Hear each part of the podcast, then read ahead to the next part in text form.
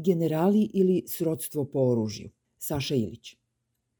Zaista ne mogu da odgovorim na pitanje šta želimo, koje je u naslovu svog teksta postavila komentatorka Peščanika Sofija Mandić, jer bi to značilo da imam uvid u stavove neke podrazumevane unisone grupe ili zajednice koji bi trebalo ideološki i politički da pripadam. Nasuprot tome, mogu da kažem jedino kako ja vidim neke stvari, bilo da je reč o predizbornoj kampanji, koalicijama i stranačkim kandidatima, što sam i učinio. Žao mi je ako sam postavljanjem pitanja o valjanosti kandidata narušio dobru demokratsku praksu u Srbiji da se o najvažnijim stvarima ne razgovara. Povodom teksta koji sam objavio na Peščaniku, dobijao sam uglavnom negativne komentare, jer sam postavio pitanja koja u ovom času ne bi trebalo da budu u fokusu, budući da se konačno došlo do kakvog takvog jedinstva opozicije, te da su kandidati sasvim dobri jer zadovoljavaju elementarne zahteve poštenja i pristojnosti. Možda su takvi komentari na mestu, ali meni se čini da svođenje predizborne debate na potvrđivanje nečijeg poštenja i pristojnosti, kao i oduševljenje stavovima o važnim državnim pitanjima iznesenim u poslednjih sedam dana, promašuju temu izbora koji će se održati u Srbiji 2022. a ne u nekom boljem i srećnijem društvu. Bojim se da takvih društava nema ni u regionu, niti u širem okruženju. Ne poznajem generala Ponoša, niti bilo kog drugog generala. Ne bih ni voleo da ih upoznam. Ne mogu ni da zamislim situaciju u kojoj se rukujem sa nekim od njih i kažem Generale, ako bude sreće vojničke, voleo bih da vas vidim u aprilskoj utakmici za predsednika. Ili da pokrenem vremeplov, vratim se u leto 2000-te, sretnem se sa Perišićem i Obradovićem, takozvanim opozicionim generalima, čestitam im i poželim sve najbolje na jesenjim izborima protiv Miloševića.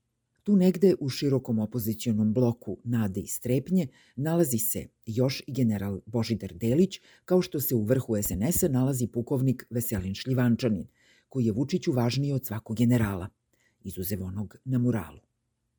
Srbija je puna generala i naoružanja.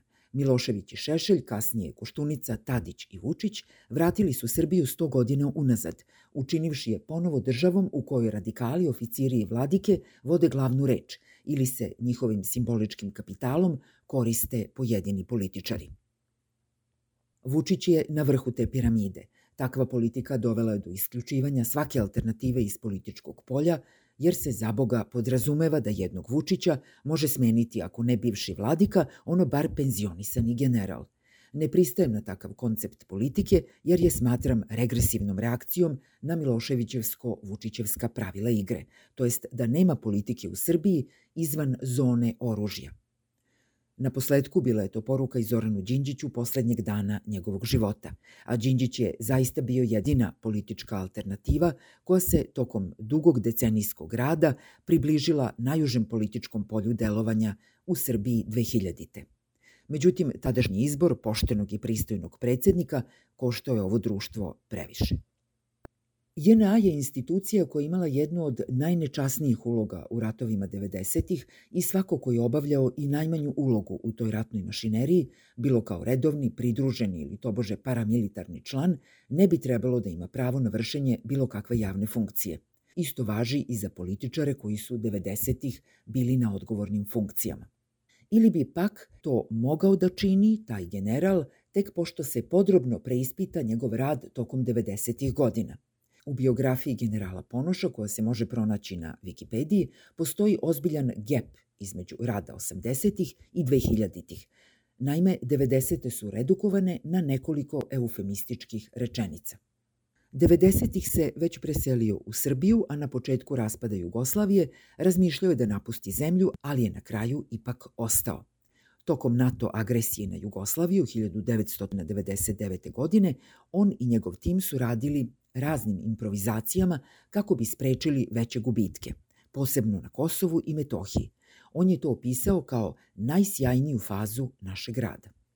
Na drugom mestu nalazim rečenicu kojom se uspešno sažima bajkoliki svet 90-ih. Od 1988. do 2002. godine bio je referent za razvoj i opremanje u generalštabu hajde kažem, možda je bio samo mlađi referent, pa makar i u generalštabu, ali kako je došao do pukovničkih, odnosno generalskih činova? Verovatno postoji neko objašnjenje. Zanimljivo u tom najturbulentnijem periodu na mestu načelnika ove najviše institucije vojske smenio se čitav niz blago rečeno kontroverznih generala. I to Blagoje Adžić, Života Panić, Momčilo Perišić, Dragoljub Ojdanić, Nebojša Pavković. U vreme komandovanja pobrojanih generala, JNA, odnosno Vojska Jugoslavije, odnosno Vojska Srbije, izvršila je najmonstruoznije ratne operacije u novijoj istoriji te vojske, od Vukovara preko Dubrovnika, Bosne i Hercegovine do Kosova. O tome svedoče i pojedinačne sudbine ovih generala, od kojih su mnogi osuđeni pred Haškim tribunalom.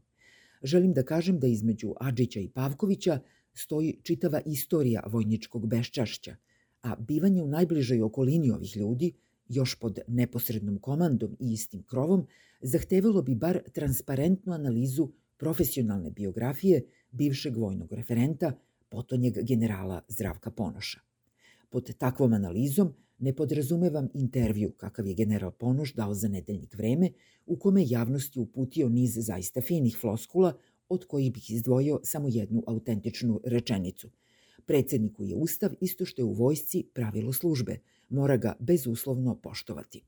Verujem da je ovaj iskaz kojim general Ponoš izjednačava rad predsednika države i načelnika generalštaba iskren. Kažem, verovatno je Srbiji 2022. to sasvim dovoljno nakon decenije Vučićeve devastacije svih institucija. No i pored toga, pitanja treba postavljati, naročito kada se neko izvuče iz vojničkog džaka pred izbore i predstavi kao najbolji mogući kandidat koji sme da nam pogleda u oči. Na kraju ovog teksta o generalima i propasti vojničke časti u Srbiji podsjetiću na jednog generala koji nasuprot svim pobrojanima do sada nije radio po komandi niti se slepo držao pravila službe. Bio je to general Vladimir Trifunović koji je zbog predaje kasarne u Varaždinu i spasavanja 280 ljudskih života osuđen 94. godine zbog veleizdaje. Njegova borba pred domaćim sudovima bio je optužen i u Hrvatskoj i u Sloveniji, završila se tek 2010. kada je pred višim javnim tužilaštvom oslobođen uz obrazloženje da je postupio u krajnjoj nuždi prilikom povlačenja iz kasarne u Varaždinu. Dok je trajao mukotrpni uništeni život jednog generala u sobi hotela Bristol, ostali pukovnici i generali koji su radili po PS-u imali su zaista sjajne periode. Napredovali su, kako do 2000. tako i potom. Ni načelnik generalštaba u periodu 2006-2008. nije imao vremena da se bavi sudbinom veleizdajnika, kao ni tadašnji predsednik Srbije. Naravoučenje – Niti je Ustav pravilo službe za predsednike, niti se on može poštovati bez jasnog odnosa ne samo prema budućnosti u koju su zagledani lideri, nego i prema prošlosti, koja nije samo stvar istoričara u Srbiji 2022. već se tiče svih nas kojima je do života izvan Vučićevske kasarne stalo. A to je minimum koji se od predsedničkog kandidata očekuje, naročito ako dolazi iz mračnog sveta vojske. PS. Ovo je poslednji tekst koji ću do izbora 3. aprila napisati o generalu Zdravku Ponošu.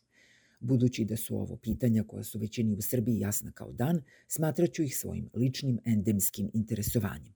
Takođe, ne želim da pitanje uključivanja alternative u politički život Srbije, na primeru odabira predsedničkog kandidata, bilo kako doprinese rejtingu aktuelnog komandanta Vojarne.